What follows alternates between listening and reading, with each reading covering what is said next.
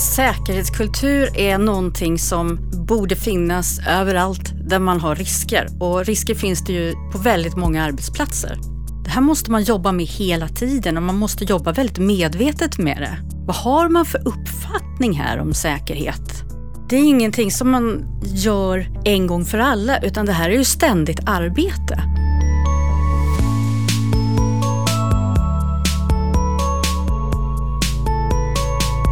Hallå arbetsmiljö! En poddserie från Arbetsmiljöverket. Hej allihop och välkomna till den här poddserien. Oavsett om det är första, andra eller tredje avsnittet du lyssnar på eller om du till och med gått igenom hela serien så är du alltid lika varmt välkommen till det här viktiga avsnittet med titeln Säkerhetskultur. Poddserien syftar till att ge information och sprida kunskap vi belyser och besvarar frågor kring de utmaningar och risker som kan finnas på din arbetsplats och vi berättar om vilka regler som gäller i olika sammanhang. Arbetsmiljöverket har ju ett stort antal experter och inspektörer som varje dag är ute på arbetsplatser och organisationer för att stötta och hjälpa och ja, dela med sig av sina kunskaper. Några av de experterna är också gäster i poddserien och reder ut oklarheter som finns. En som alltid är med, det är Ann-Caroline Kostet. Halloj! Halloj, halloj! Ja, arbetsmiljöinspektör är du på Arbetsmiljöverket. Du, alltså, behöver vi verkligen ägna ett helt avsnitt åt säkerhetskultur? Handlar inte allt ert arbete om att säkra arbetsmiljöer?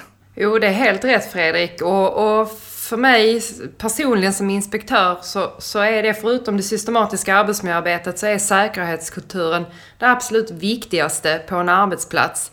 Man kan ju säga att det är som blodomloppet i kroppen. Att hjärtat pumpar ut blod i hela kroppen, högsta ledningen pumpar ut säkerhetskultur i hela organisationen. Och det är ju det vi behöver för att kunna känna oss trygga och säkra på våra arbetsplatser.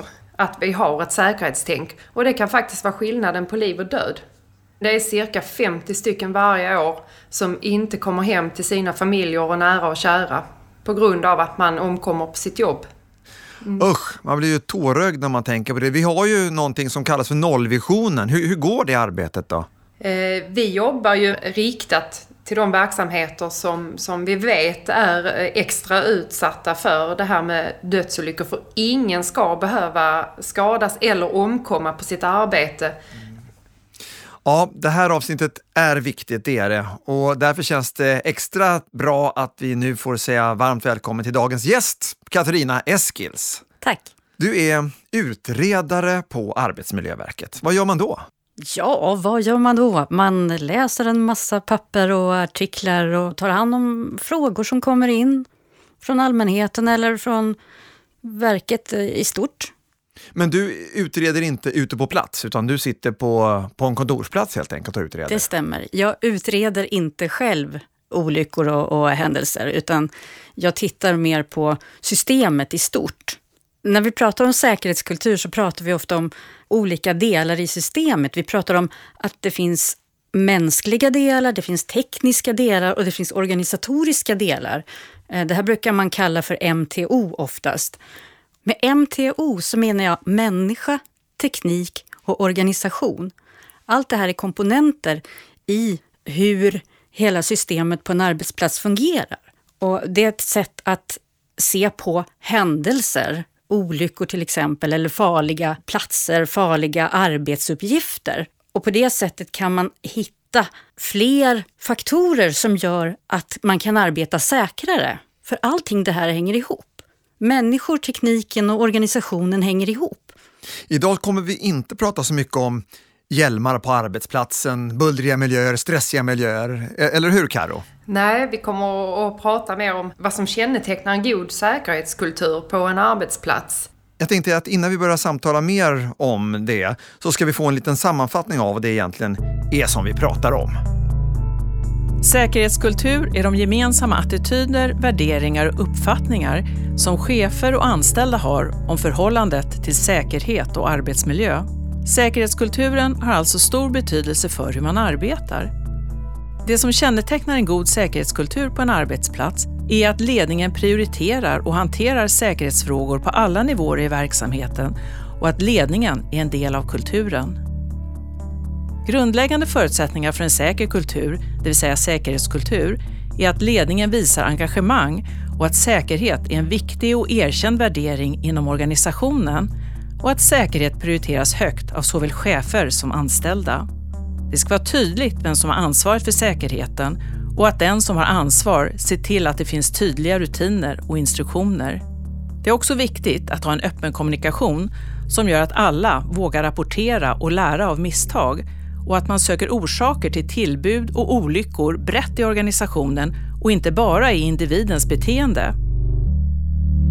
Ja, Katarina, vad, vad säger du om den bakgrundsfaktan? Ja, det är precis det här det handlar om. Ja. ja. Jag tänker ju att det är precis som med systematiskt arbetsmiljöarbete, att det här är en del i den dagliga verksamheten, att man alltid ska ha det här tänket med sig.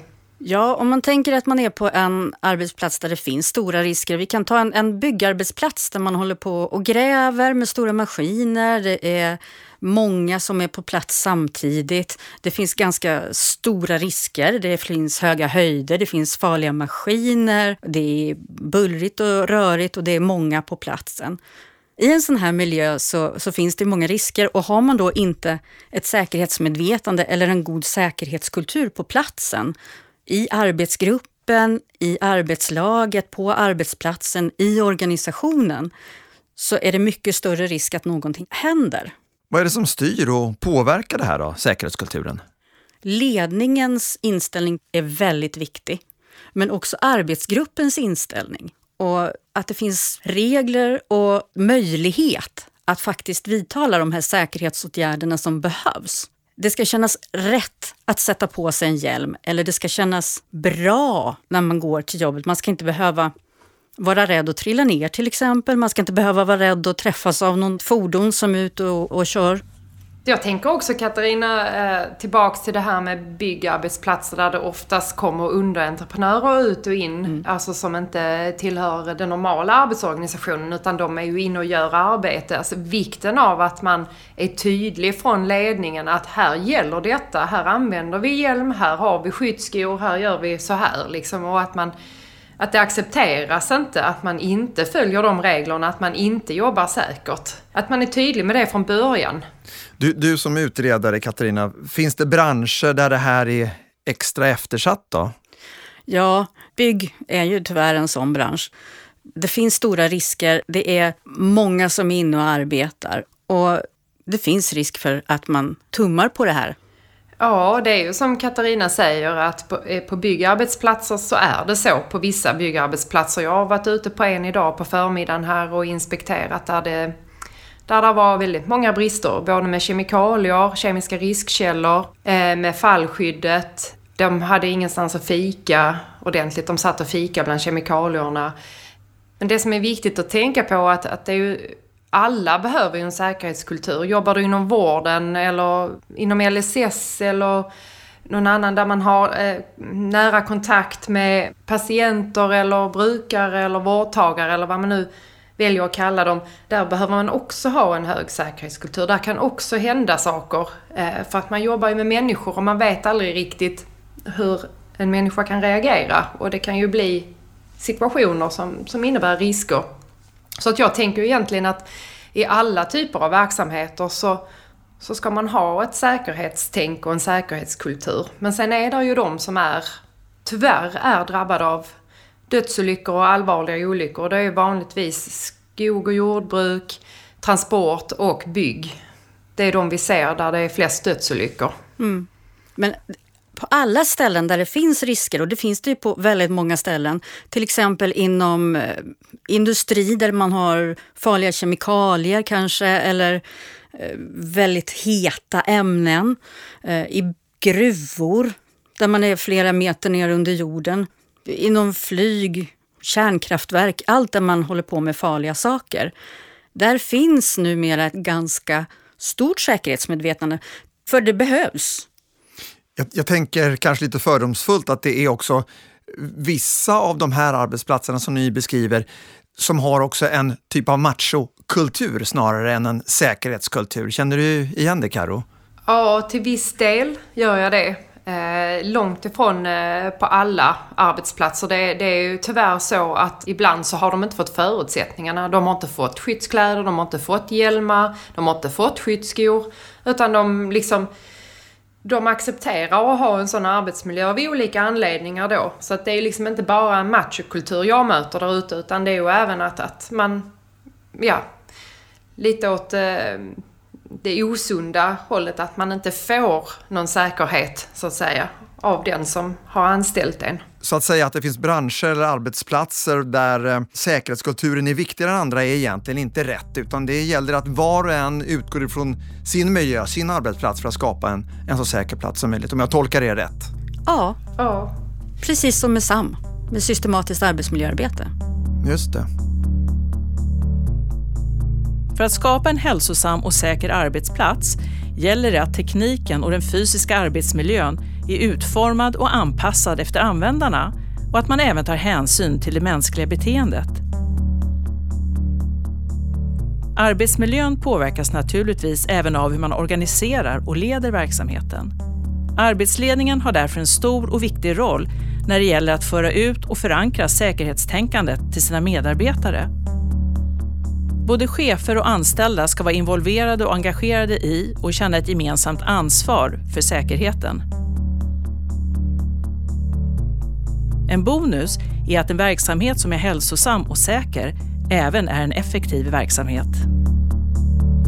Det finns ju goda exempel också. Eh, där finns ju företag inom byggverksamheten som har det här med att man stannar upp i ett antal sekunder innan man påbörjar ett arbetsmoment och tänker igenom Finns det några risker här innan jag påbörjar detta arbetet? Eller är det säkert att påbörja det? Jag tänker det är lite som ett stoppljus. Att man stannar, det är rött, man tänker efter, det är gult och sen så grönt och kör man. Och det är inte alltid man kommer till grönt för man kan ju hitta risker och då måste man ju påtala det för sin arbetsgivare.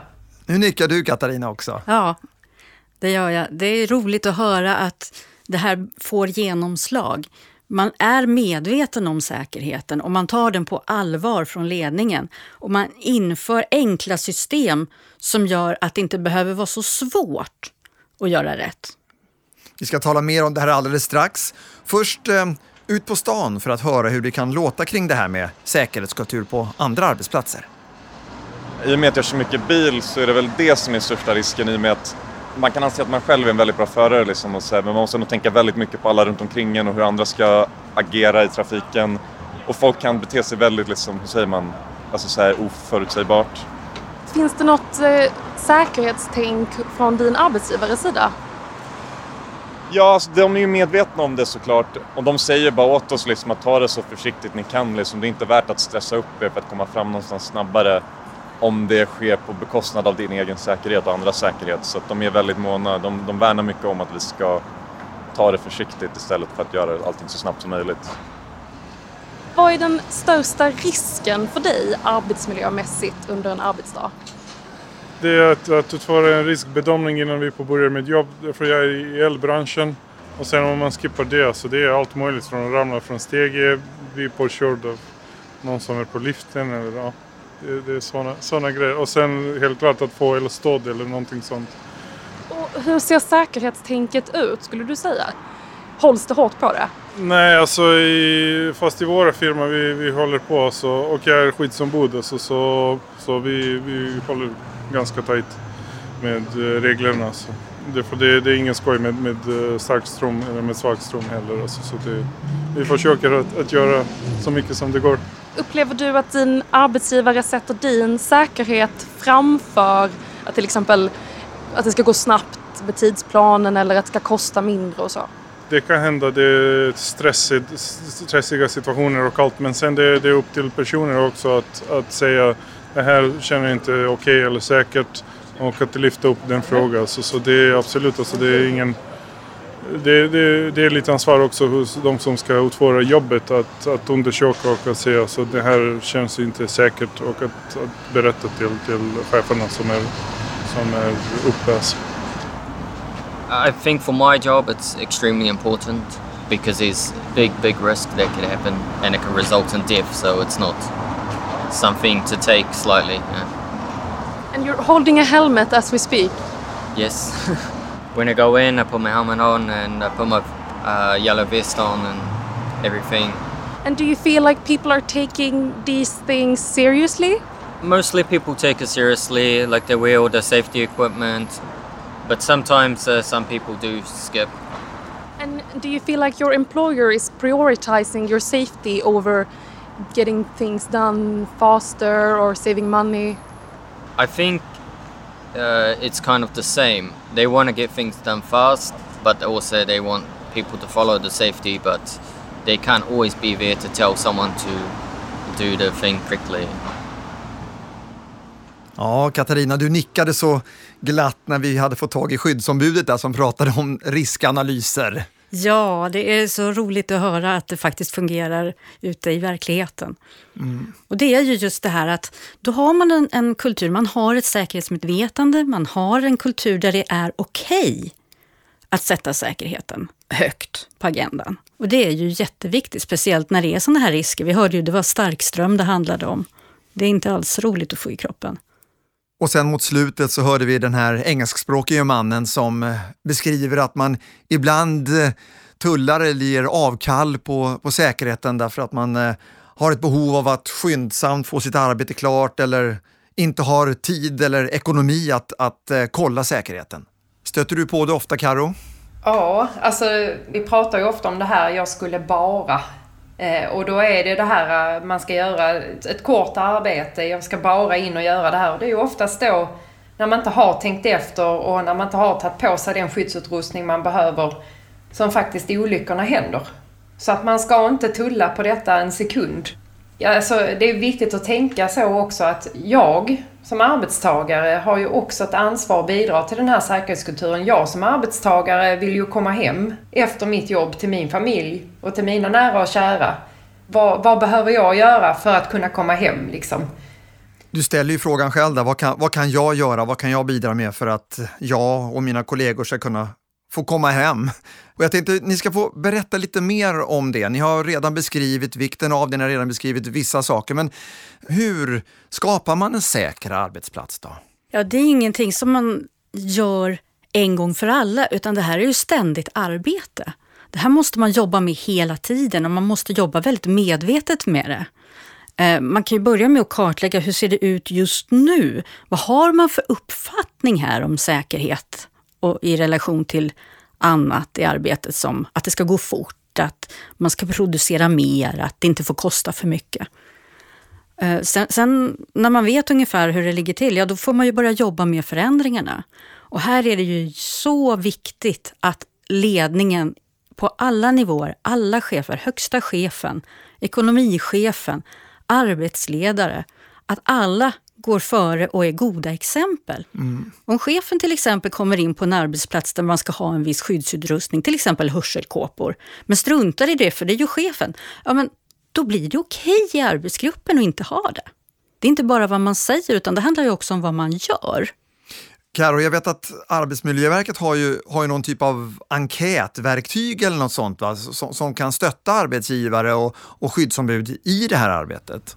Precis, det stämmer. Det har vi på vår webbplats. Vi har ett enkätverktyg du kan fylla i där man får liksom en, en grund för var står vi i vår säkerhetskultur och vad behöver vi jobba vidare med. Och sen så rekommenderar jag starkt att man regelbundet gör den här undersökningen för att se flyttar vi oss framåt? Vad har vi kvar som vi behöver jobba med? Eh, och så vidare. Så att eh, jag rekommenderar alla som lyssnar att eh, gå in och kika eller tipsa på era arbetsplatser om att någonstans måste man ju börja med en grund och se var står vi någonstans i detta. För då vet, vet man ju också hur man ska jobba vidare. Det är ett antal frågor eh, som rör olika områden som är viktiga för säkerhetskulturen. Men eftersom det är en enkät så skickar man ut den till de som ska delta i enkäten, till den arbetsgrupp man vill undersöka. Eh, så får de svara på frågor, man får sen en sammanställning av svaren och då kan man se vilka områden som man behöver förbättra, precis som Carro sa. Vi har ju ett helt poddavsnitt som handlar om det här systematiska arbetsmiljöarbetet och, och där talar vi också mycket om vikten av att alla eller så många som möjligt deltar i det och det är det som du beskriver också nu Katarina. Hur uppnår man utöver det då det bästa resultatet genom användandet av, av det här verktyget? Det handlar om samarbete och det handlar om att man pratar, att man börjar våga prata om där det kanske inte är så bra. Man kan tänka sig att ledningen uppfattar att nej, men vi har jättemycket säkerhet, vi har sju permar här med regler och instruktioner. Medan de personer som är ute och ska arbeta och ska följa alla de här reglerna uppfattar att ja, men det är så mycket regler så att vi vet inte var vi ska börja någonstans för att vi har inte fått någon bra och enkel instruktion. Ja, men då är det kanske där man måste börja prata tillsammans och börja reda ut var är vi någonstans? Vad är det som går fel?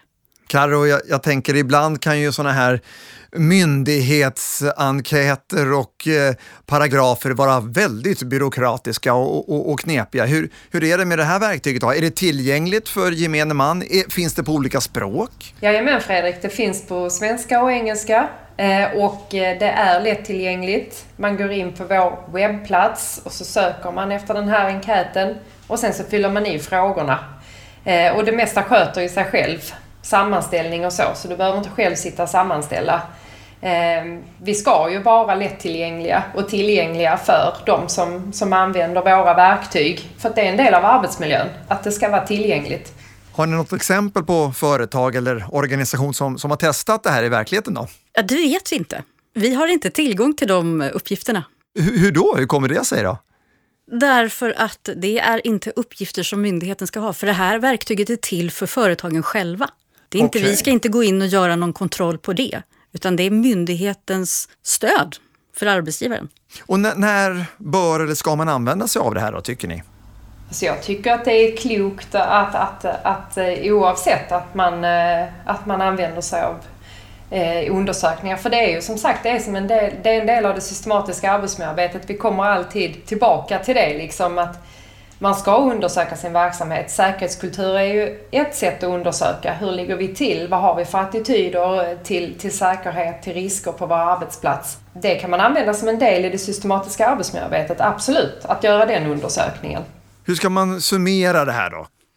Säkerhetskultur är någonting som borde finnas överallt där man har risker. Och risker finns det ju på väldigt många arbetsplatser gör precis som man jobbar med systematiskt arbetsmiljöarbete, gör det till en naturlig del i verksamheten. Som någonting man gör varje dag. Precis som man går till jobbet, arbetar, så är det här med hela tiden. Tänk alltid efter innan du ska utföra ett arbete. Är det några risker med detta? Är det säkert att utföra det? Är det inte, så ta ett steg tillbaka och säg till att jag gör inte detta för detta är inte säkert. Så, så att man har det med sig liksom. Det ska sitta i ryggmärgen, Fredrik. Att man ska vara rädd om sig. Jag håller helt med, Karo. Och så påminner vi då också naturligtvis om dels enkätverktyget och sen att det på webbplatsen också finns en film som förklarar det här med säkerhetskulturen. Va? Precis. Då så, tackar jag dig Katarina Eskils så mycket för att du kom hit idag och berättade om säkerhetskultur, ett ibland ganska abstrakt men icke desto mindre viktigt begrepp. Och Karo, som alltid, bra att du är med, stöttar och ger klarhet i de nyfikna frågor som jag har. Jag hoppas att vi har inspirerat er lyssnare att verkligen våga lyfta de här frågorna, verkligen ta tag i dem och ta det ansvaret som vi alla bär för att eh, vi alla ska komma hem från vårt arbete både helskinnade och ostressade och med livet i behåll. Och med det så är det här avsnittet till ända. Det är dock inte det viktiga arbete som ni arbetsgivare och arbetstagare är med och bidrar till varje dag för att ingen ska bli sjuk, skadas eller i värsta fall omkomma på sitt arbete. Lyssna gärna på fler avsnitt i poddserien Hallå arbetsmiljö för vi är här för er som stöd och råd och informationskanal. Ta hand om varandra. Hej då!